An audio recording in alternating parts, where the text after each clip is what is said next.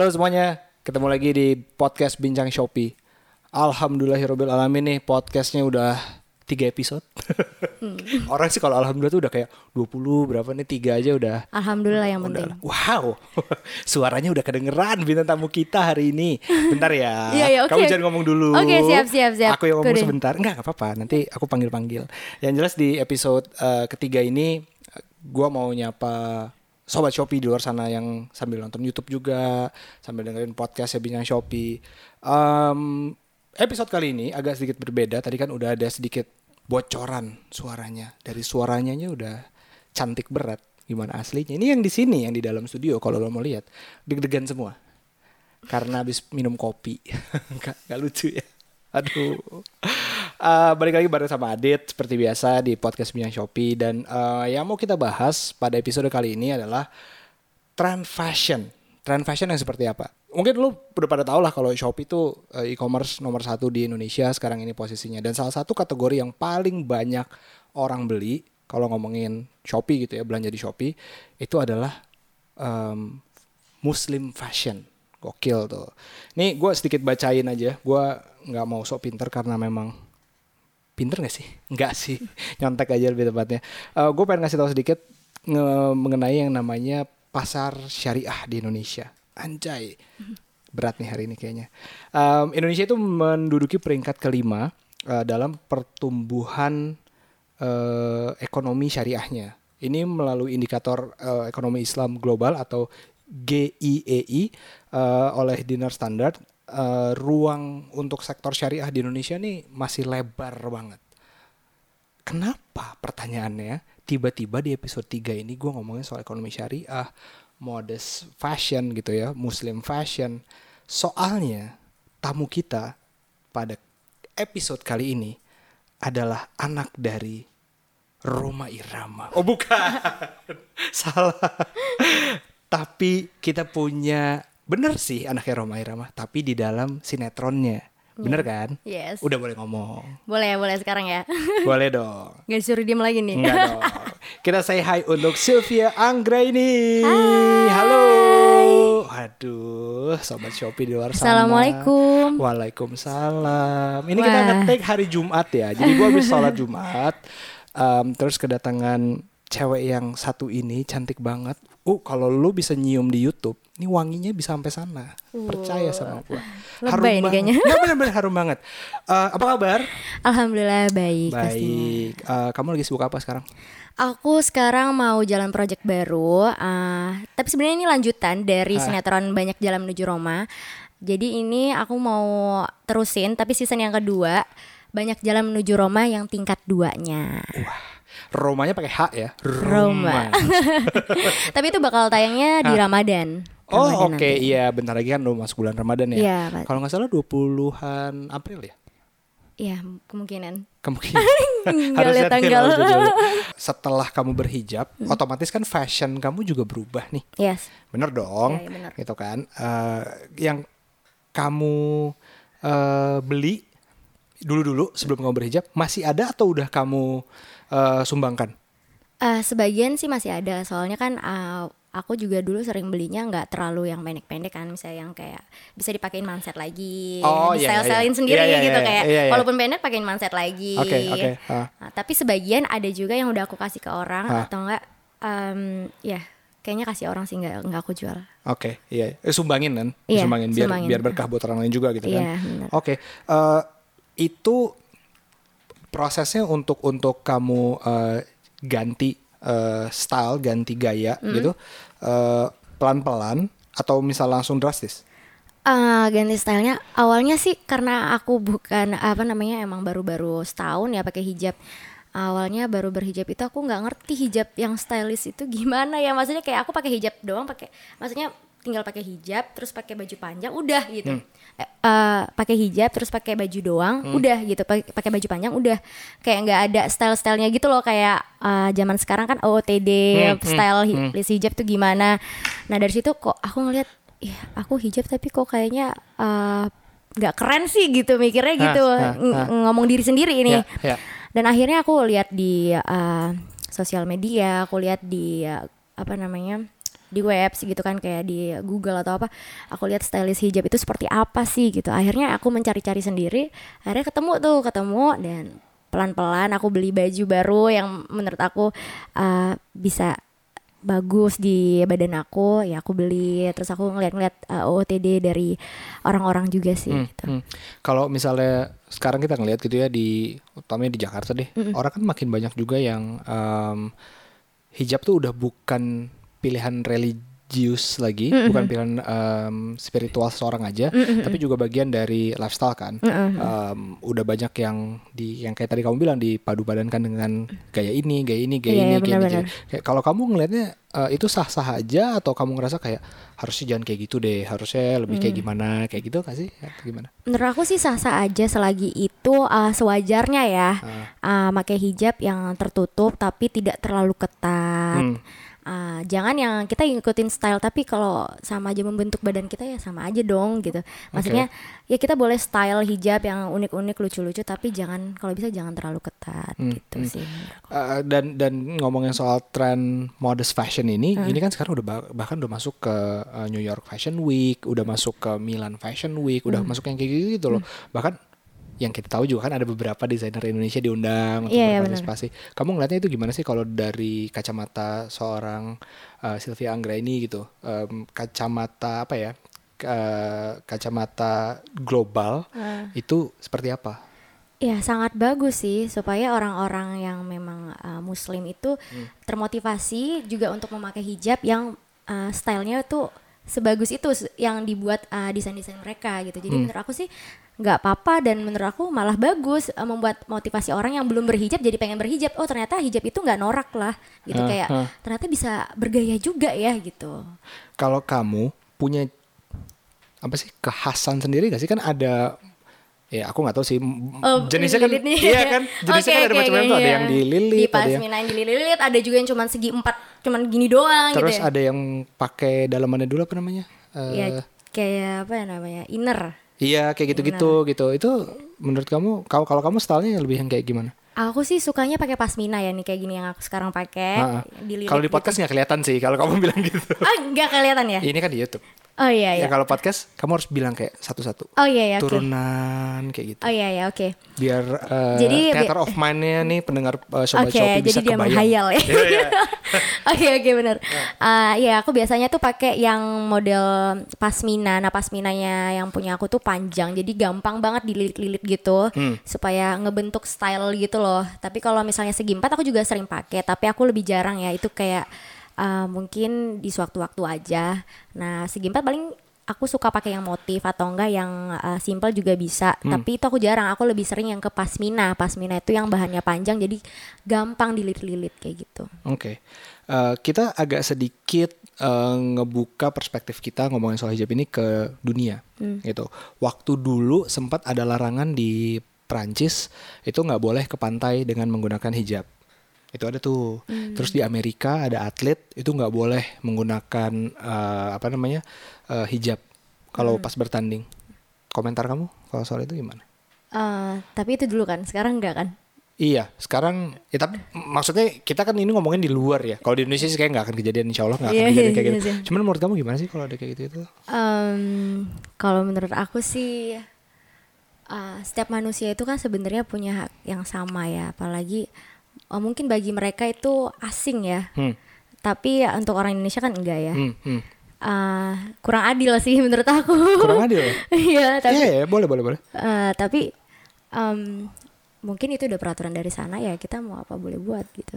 Tapi aku setuju sih kalau misalnya kurang adil. Maksudnya eh, toh hijab itu kan sebenarnya tidak mengurangi performa Ah, iya dan, dan, tidak menambah performa. ah, dan eh, tidak merugikan mereka. iya, iya. Kenapa sih dilarang? Iya, Gitu. itu sih waktu itu sempat sempat eh, jadi jadi pertanyaan aku sih kalau misalnya atlet terutama ya, Iya. atlet taekwondo kalau nggak salah deh di Amerika Iya, tuh, mm. yang yang sempat jadi pelarangan. Nah, Iya. justru yang menarik di sisi lainnya eh, brand dunia yang kayak Nike, Mm. malah mereka tuh bikin eh, hijab eh, Nike Hijab Pro namanya. Iya. Kalau kamu tahu. Jadi waktu tahun 2017 kalau nggak salah eh, untuk pertama kalinya Nike mengeluarkan hijab untuk eh, nge- mensupport eh, perempuan yang pengen berolahraga tapi tetap dengan menggunakan hijab. Justru Iya. itu malah keren banget gak sih? Iya, keren banget sih pastinya. Jadi uh, buat orang-orang yang suka olahraga tapi dia berhijab, jadi bisa pakai yang itu tuh produknya sih. Nah, Nike itu Nike, nggak ha. boleh sebut ya. Iya nggak boleh. Enggak tahu deh. Kalau aku boleh. Oh, boleh Nggak gitu ya? boleh. Boleh nggak apa-apa. Nggak. Tapi siapa tahu abis itu Nike sponsorin podcast kita. Iya, lumayan Nah, nih. anak ini, Atau nggak anak jadi pengen punya sepatu sekalian. Nike soalnya. Oh iya, iya. Tuh kan. Sekarang nggak jadi brand ambassadornya mana tahu kan ya. Jangan itu Cristiano Ronaldo udah Oh kita iya, pakai boleh, juga. nah, em, waktu ini sedikit eh, cerita aja sih gengs di luar sana. Waktu tahun 2017 tuh gue sempat eh, tinggal di satu kota di eh, Inggris. Nah itu tuh pas Nike lagi ngeluarin Nike Hijab Pro itu yang ngantri perempuan di Inggris banyak banget. Itu sampai kalau di sneakers sneakers eh, hats gitu ya kayak eh, pecinta-pecinta sneakers kan biasanya suka sampai nginep-nginep untuk eh, nungguin launching sepatu. Iya, nah ini benar-benar. perempuan yang nginep. Se, Oh ya? se, sepengular itu sampai panjang banget iya sampai nginep untuk nungguin eh, Nike Hijab Pro tuh keluar. Iya, Jadi emang demandnya udah tinggi banget sih dan emang setuju banget tadi yang kayak dibilangin sama Sylvia kalau misalnya sekarang ini tuh kayaknya orang harus bisa menerima yang namanya perbedaan. Iya Gitu benar. sih? Iya benar banget. Apalagi interestnya kan juga makin Iya, banyak. iya. Gitu ada yang mungkin pengen berhijab, Siapa ada yang enggak, gitu.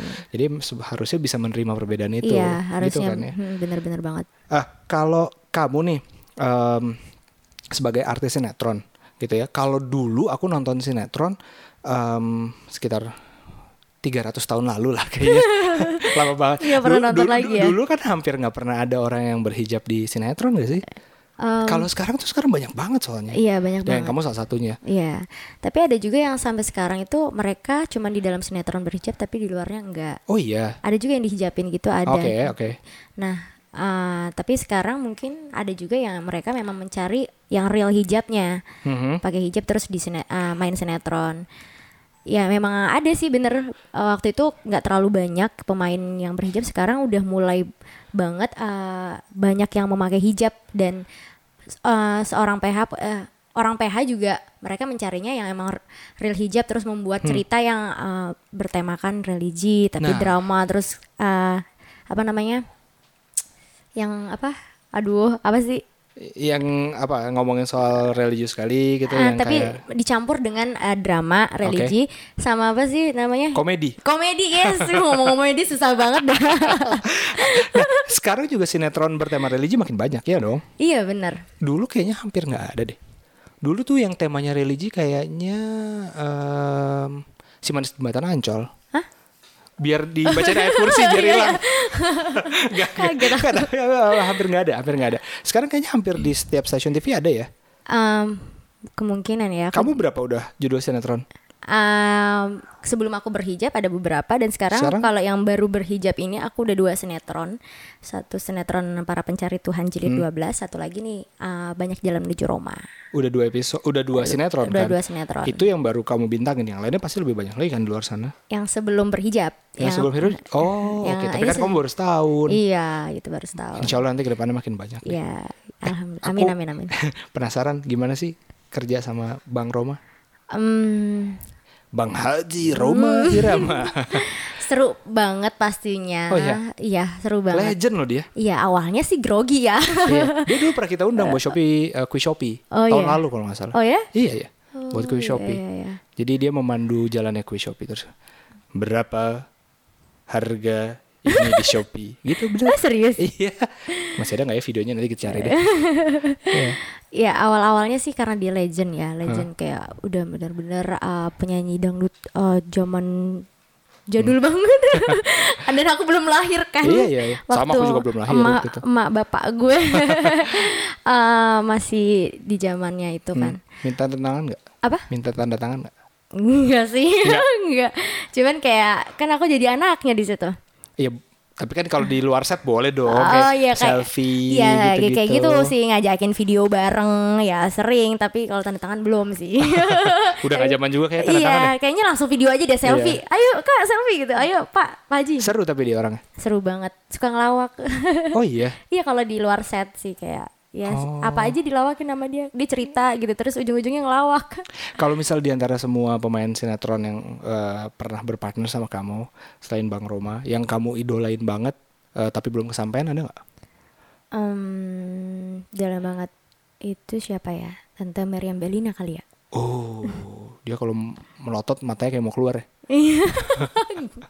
Tapi dia keren sih. Keren sih, keren banget. Terus uh, katanya orang-orang juga Hmm. artis-artis lain juga bilang kalau main sama dia tuh pasti disiplin banget waktunya. Hmm, datang Jam berapa jam harus- 3, jam 3. ya, tiknya kan kadang zaman sekarang masih banyak banget yang kayak nggak on time kan. Oh, siapa kasih tahu? dong? Uh, ya banyak, banyak ya. Takut ya mau Ya, nyebut. gue juga sering gak on time kok tiba-tiba ngomong diri sendiri juga.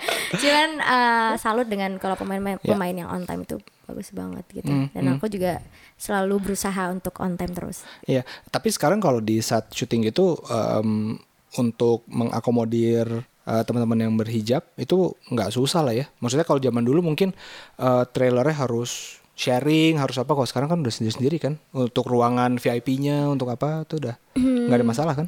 Enggak sih, maksudnya mereka malah kadang gabung-gabung gitu. Support gitu. Heeh. Maksudnya support-support aja dengan dengan perempuan yang berhijab gitu. Ah, iya support support aja nggak ada kayak menghindar atau apa enggak. Enggak kan? Mereka tuh kayak malah seru sih ya tet- tetep nggak ada perbedaan sama Hmm. aja terus kayak ya ma ya seperti biasa aja. Hah, hah. Kalau dari eh, netizen tadi kamu sempat sebut ya nanti. banyak di luar sana yang kaget kan justru waktu uh, kamu memutuskan untuk berhijab Hmm. itu uh, kamu nanggepinnya gimana? Ah, ada yang pro pasti ada ada yang pro ada yang kontra pastinya kan tapi kalau ah, kebanyakan sih pro alhamdulillah ya Iya. karena kan untuk mm, lebih baik ya pastinya Hmm, hmm. Ah, ya aku responnya sih senang kalau mereka itu pro ke aku dan mereka nyemangatin aku dan Hmm. mereka ngasih support ke aku aku pastinya senang dan merasa termotivasi lagi untuk menjadi yang lebih baik lagi pastinya hmm. Kalau yang agak keras gitu menyuarakan aspirasinya kamu nanggepinnya biasa gimana? gimana gimana Yang kayak agak gimana ya kayak kak kok berhijab sih sekarang gitu kamu kasih penjelasan ke mereka kah dengan sabar atau kamu diemin aja sih? Ah, Soalnya followers aku kan nggak banyak ya. Jadi nggak pernah tuh dapat Iya, uh, iya, komen-komen iya, iya. negatif. Ah. Biasanya paling komen negatif bos gitu. Kamu ngapain posting kayak gini gitu ya, Iya. paling gitu. Kalau kamu gimana? Ada sih, tapi satu orang paling dua orang itu paling kayak nge-DM doang. Eh, aku nggak pernah tanggepin. Oh, Aku biarin aja. Kayak mikir ah, itu nanti aku jadi stres sendiri kan. Maksudnya aku karena aku udah jelasin di sosial media aku juga kayak di YouTube. Aku bilang aku kenapa hijrah, aku pengen gini gini gini. Jadi kan mereka bisa ngelihat. Dan tapi kalau masih ada kontra lagi ya aku nggak tanggepin. Aku biarin aja gitu. Paling aku tanggepinnya yang selalu support aku aja. oke. Eh, yang jelas dibanding keluarga, teman-teman sekitar juga support kamu dong. Iya pastinya. Yang paling kamu rasa membekas banget support dari teman tuh yang kayak gimana sih bentukannya? Di luar kata-kata ya. Di luar kata-kata ada nggak bentuk yang kamu ngerasa kayak berbekas banget nih ini orang si A, let's say misalnya teman kamu, entah itu teman SMA, teman SMP yang kamu eh, sampai berasa touchy gitu begitu kamu memutuskan untuk hijrah yang tadi kamu bilang. Hmm, kalau ya kayak sering ngajak-ngajak aku pengajian sih, bukan kayak Oh. omongan tapi dia mereka langsung ngajak pengajian kayak yuk Oke. ke sini yuk gitu. Ah, Terus kayak ngajakin ya yang memang udah berhijab duluan kan ada teman aku terus Ah, kayak ah. uh, ngajakin pengajian terus ngajakin sholat bareng sunnah bareng pokoknya apa pun dikasih selalu dikasih tahu kayak Hmm. ah yuk puasa yuk puasa ini yuk puasa ini Ah, jadi kayak aku wah ada temen temanku nih yang untuk Hmm. uh, ngajak aku ke lebih baik lagi gitu ah. ada sih Itu justru dukungan yang kayak gitu yang kamu ngerasa itu lebih berarti. iya lebih berarti karena karena kan kalau kita kan ada orang yang bener-bener belum seistiqomah itu ada juga yang kayak biasa aja gitu kan Hmm. nah aku butuh yang seperti itu Uh, jadi supaya buat aku termotivasi lagi untuk lebih istiqomah lagi. Kalau nggak ada teman-teman yang kayak gitu kan akunya juga ah nggak ada temennya nggak uh, jadi malas dia puasa gitu. Malas dia ngerjain ini gitu. Ternyata ada teman aku yang seperti itu juga puasa juga terus ngajakin pengajian juga. Jadinya akhirnya aku ikutan jadi nggak males gitu. Hmm. Eh, kalau aku boleh tarik sedikit keluar sana di lingkungan terutama di sekitar aku juga banyak em, banyak teman-teman aku di luar sana yang jadi lebih religius lah bisa bilangnya gitu.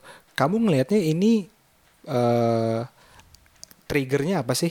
Banyak kan soalnya. Maksud aku ini bukan cuma satu dua tapi mungkin di lingkungan kamu juga tadi udah ada yang ngajak duluan itu boleh tahu nggak menurut kamu dari pandangan kamu lebih kepada tekanan masalah sosial kah atau dari mari- diri masing-masing keluar aja gitu. Kalau kamu kan tadi udah jelas dari masalah pribadi gitu. Kalau kalau kamu ngeliatnya orang-orang lain Eh, ya itu sih beda-beda juga Pasti, sih pasti. Ah. Eh, Eh, tapi lebih tekanan sosial sih maksud menurut aku sih kayak Hmm. eh, terpacu dengan teman-temannya juga gitu sih menurut aku Lingkungan? ya lingkungan maksudnya dari Oke. lingkungannya kalau lingkungannya seperti itu pasti kita ngikut ya Oh. nggak sih Dan dan ini mengarah ke yang lebih baik kan? Iya, pastinya. Which which jadi kayak sebenarnya juga sah-sah aja untuk terjadi kayak gitu sekarang Iya. ini.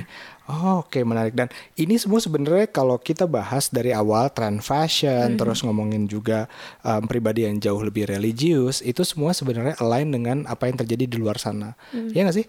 iya iya benar Iya kan? Dan uh, tadi yang dibilang sama Sylvia juga, kayaknya kita semua emang udah harus bisa menjadi lebih dewasa dalam menyikapi yang namanya perbedaan. iya benar banget Iya gak sih? Iya. Kalau ada orang pilihannya A, ya kita hormati. iya Gitu. Kalau ada yang nggak usah dipaksain gitu Betul. jadi masing-masing gitu yang penting kalau misalnya uh, ada hal yang tidak baik ya kita perlu sih ngasih tahu mengingatkan Hmm. tapi ketika dia memang udah prinsip dia seperti itu tapi kita udah mengingatkan ya sudah kita harus menghormatinya tapi jangan memusuhinya gitu ya maksudnya menerima keputusan dia gitu Menerima perbedaan itu. oh iya menerima perbedaan itu gitu. Pernah nggak kamu uh, di satu situasi kayak, wah ini kayaknya agak berbeda nih sama kita, tapi uh, aku perlu ngasih tahu dia deh gitu. Pernah? Eh, yang oh eh, kayak teman gitu Iya. hah, di lingkungan sekitar kamu. Aku jarang sih alhamdulillah teman-teman aku rata-rata sama sama Pilihan politik itu cebong kampret Oh, kemarin. Gak bercanda. Dia kena mic loh. Nggak soalnya kan kemarin waktu zamannya pilpres tuh ya ampun. Iya sih, pasti Capek banyak- nggak sih? Iya banyak apalagi apalagi kan kita beda-beda pendapat ya. Iya, tapi kan sebenarnya ujung-ujungnya sama-sama aja nggak sih? Iya sama-sama aja tapi ya ada sih kayak perselisihan Oh, antara ada. Di grup. WhatsApp. Ah? WhatsApp keluarga tuh biasanya Enggak enggak. oh, enggak. Langsung ngomong bacot deh. Oh iya. Oh iya, serius. iya, itu itu kalau kayak gitu kamu nyikapinnya gimana?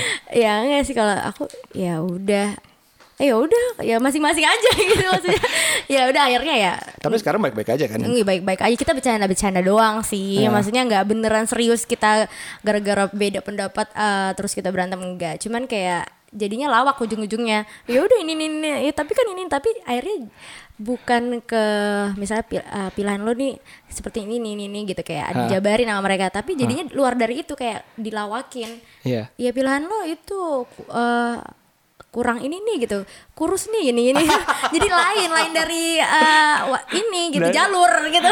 nggak sesuai sama konteksnya Eh, ya. iya, gitu. malah yang lain-lain. Oke. Nah eh, kamu kalau misalnya ngadepin situasi yang kamu ngerasa kurang nyaman gitu ya dengan perbedaan-perbedaan apa sih yang kamu lakuin? Apalagi setelah sekarang kamu berhijab eh, dan kamu udah hijrah juga. Apa sih yang yang gimana sih tips and triknya karena jujur eh, mungkin kalau aku eh, orang yang penuh dengan dosa ini sama sih aku juga. Aku soalnya orangnya lumayan suka konfront gitu. Jadi kalau misalnya ada yang ti agak berbe- agak beda gitu ya.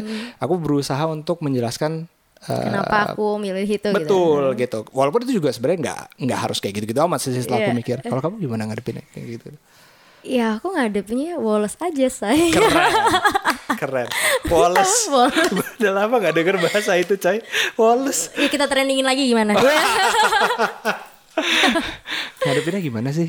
Eh, ya itu yang aku bilang woles aja. Iya. maksudnya eh, aku sih belum pernah ya yang kayak berdebat sama orang eh, bener-bener berdebat banget gitu. Kayak jadinya berantem itu aku belum pernah. Aku bener-bener eh, tipe kal yang eh, kalau bisa kita ngomong ya membuat dia tidak eh, memancing memancing dia untuk marah gitu. Atau enggak ya aku ngomongin kenapa misalnya aku milih ini ini.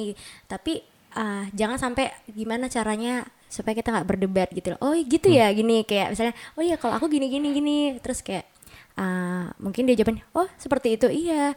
Oh kalau misalnya mungkin menurut dia beda dari aku kan tapi ada gini-gini oh gitu ya. Aku sih nggak tahu ya gini-gini lebih kayak gitu aja. Maksudnya kayak lebih santai sih nggak nggak langsung nggak harus ngotot banget aku kenapa milih ini ini ini? Iya. kan akhirnya takutnya kalau kita ngotot atau kita terlalu excited menjelaskan apa yang kita pilih atau apa yang kita mau takutnya mereka jadi kepancing juga emosinya kan Oke. jadi mungkin aku akan membawa Wallace sih gitu si Wallace ini tadi. Wallace, ya.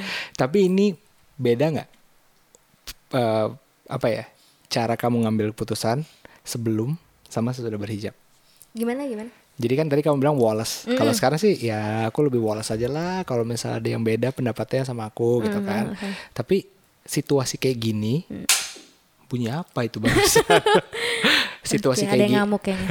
situasi kayak gini, eh, waktu sebelum kamu berhijab, kayak gitu juga nggak? Maksudnya kayak kalau ada yang beda sama kamu, apakah kamu tetap Wallace juga waktu Oh, iya. berhijab? Em, tapi kalau kalau sekarang jujur lebih terkontrol karena mungkin aku udah berhijab. Oke. Lebih kayak apa-apa eh ya lebih kayak ja- jadinya kayak ke Allah aja gitu kayak maksudnya ya udahlah nggak apa-apa gitu maksudnya eh lebih ya itu tadi aku bilang lebih woles tapi kalau mungkin aku belum berhijab itu masih emosinya kurang ke kontrol ya kadang-kadang juga Ah. sampai ya pernah juga tapi nggak separah yang memang benar-benar jadi Konfront, Mm-mm. lagi berantem. oh enggak enggak Cuman yang jelas dengan kamu berhijab setahun ini jauh lebih tenang. Iya benar, lebih damai lah. Lebih damai. Kamu kalau bisa belanja-belanja hijab gitu di mana? Ah, kebetulan aku jadi kalau hijab itu kebetulan jadi brand ambasadornya Mei Cantik. Boleh endorse di sini Ya silakan. oke silakan ya. jadi Mei Cantik itu juga bisa belanja di Shopee guys. itu yang gue tunggu-tunggu dari Jadi tadi. kalian juga bisa beli di situ ya. di situ ada scarfnya, ada pasminanya.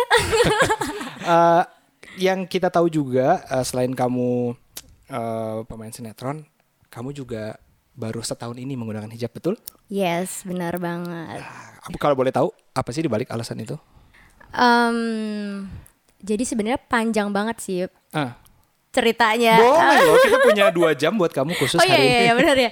Ya aku ceritain intinya saja ya. Boleh. Um, kemungkinan aku mendapatkan suatu masalah yang membuat aku um, Berat. selalu apa bingung, terus kayak bimbang, terus kayak sedih, terus kacau.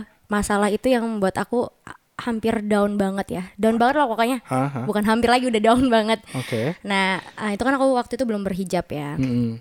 Jadi uh, mungkin masalah itu bagi aku berat banget uh, karena aku baru ngalaminya itu gitu. Gagal nikah sih. Oh disebut. Gagal- Dah biar tahu dah gitu bagi aku tuh Aduh. pertama kali. Tapi itu berat sih, berat. Boleh boleh gantian gak curhat biar kamu nggak sendirian. Oh iya, Aku- kamu juga gagal nikah? Iya, 8 tahun pacaran. Serius? Serius? Ya Allah bisa kredit rumah itu. Nah, itu dia. Uangnya waktu itu udah udah banyak banget. Oh ya? Udah mau nyiapin buat eh, nikahan. Oh ya? nggak jadi. Nikahnya sama orang lain. Ih sedih banget, nyesek banget. Ternyata Iya. ada juga ya. Ada, tapi nggak itu dulu. Oh dulu. Itu tuh 12 tahun lalu. Oh, jadi masalah seberat itu yang eh, akhirnya kamu ngerasa kayaknya eh, menggunakan hijab bisa menjadi Uh, motivasi aku untuk memperbaiki diri. Mungkin ada yang salah di diri aku sehingga aku uh, mungkin oh ini mungkin Allah marah sama aku sehingga aku Bijak dibuat sekali. ada masalah seperti ini gitu kan. bijak sekali, bijak sekali. Kamu kan umur masih 23 ya? Iya, jadi uh, ya walaupun aku umurnya masih muda waktu itu uh, aku pengen aja gitu Hmm. daripada pacaran, daripada kita berlarut-larut dalam uh, hal yang tidak baik. Kayak aku pengen lebih cepat menikah. Hmm. Oh, tapi waktu itu aku belum berhijab. Tapi aku iya, udah iya. berpikiran seperti itu. Oke. Nah, setelah gagal aku mikir apa ya yang salah terus kayak memang ada something yang salah, ada Hmm. kesalahan dalam hubungan juga kan. Mungkin ya mem- yang yang itu yang membuat aku down banget. Terus tiba-tiba kayak gagal semuanya. Iya, itu baru pertama kali aku mendapatkan masalah seperti itu jadi kayak down banget sih rasanya. Terus ya akhirnya aku mikir mikir terus terus kayak jadi galau kayak gitu kan biasalah anak muda ya Iya, iya, namanya gagal nikah Hah? Terus eh, apa ya yang ngeganjel di diri aku? Apakah aku ada salah atau apa? Akhirnya aku berpikir apa aku eh, karena belum berhijab atau apa kayak pengen aja sesuatu yang di diri aku ada yang kesalahan di diri aku pengen di apa namanya eh, diperbaiki gitu. Mungkin akunya ada di diri aku yang salah gitu. Jadinya ada yang nasehatin ah mungkin karena kamu Silvi eh, lihat diri kamu mungkin kamu ada yang eh, belum diperbaiki di dalam kamu di dalam diri kamu kata teman-teman aku gitu kan. Terus aku berpikir kayak ke hijab aja nggak tahu kenapa kayak aku eh, berasa apa aku belum berhijab ya? gitu. Kayak nggak tahu random aja pikirannya begitu. Gokil. terus tiba-tiba ya udah kayak aku langsung ngomong ke mama aku mah kayaknya aku fix deh mulai besok berhijab. Fix. Loh terus karir kamu gimana? "Eh, ya nggak apa-apa. Terus "Eh, tapi mama senang sih mama senang banget. Eh, denger itu bener-bener senang banget Mama kamu berhijab? berhijab. Oke. terus aku juga nggak ngasih tahu ke papa kan sama-sama. Terus mereka eh, berdua eh, bilang ya orang tua sih pasti selalu mendukung apa pun uh, keputusan anaknya apalagi kamu berhijab memperbaiki diri oh seneng banget nih papa mama kan Eh sorry, mama kamu berhijab, papa kamu berhijab. eh enggak maksudnya papa kamu dengernya seneng dong gimana ya? sorry, sorry. ya gitu kan Bercanda seneng ya. Terus terus. ya, ya biar nggak ini banget ya serius-serius banget Iya, iya, iya. Eh, tapi kamu begitu ada masalah terus kamu ngerasa kamu kurang berhijab, kamu ngerasa ada eh, satu fase adaptasi yang ngerasa jomplang banget nggak? Atau kamu ngerasa malah nggak kok nggak nggak sesuai itu adaptasinya gitu? susah sih awalnya. Pastinya susah banget. Apalagi teman-teman dekat aku kan uh, entertain juga ya. Ah, pasti kayak Sil gimana kamu nanti kan bukannya orang-orang APH taunya kamu nggak berhijab gitu Hmm, jadi nanti gimana callingannya nanti sepi job dong katanya gitu kan Tapi enggak kan? Alhamdulillah sih mama papa nyemangatin. Nah, Hmm. nah namanya kamu memperbaiki diri pasti Allah akan tahu gitu dan Allah pasti akan memberikan uh, apa namanya kemudahan. Terus Nah. kalau soal rezeki jangan pernah takut karena rezeki itu uh, sudah diatur sama Allah. Alhamdulillah, Rabbil alamin. Yuk, udah yuk. yuk, udah yuk.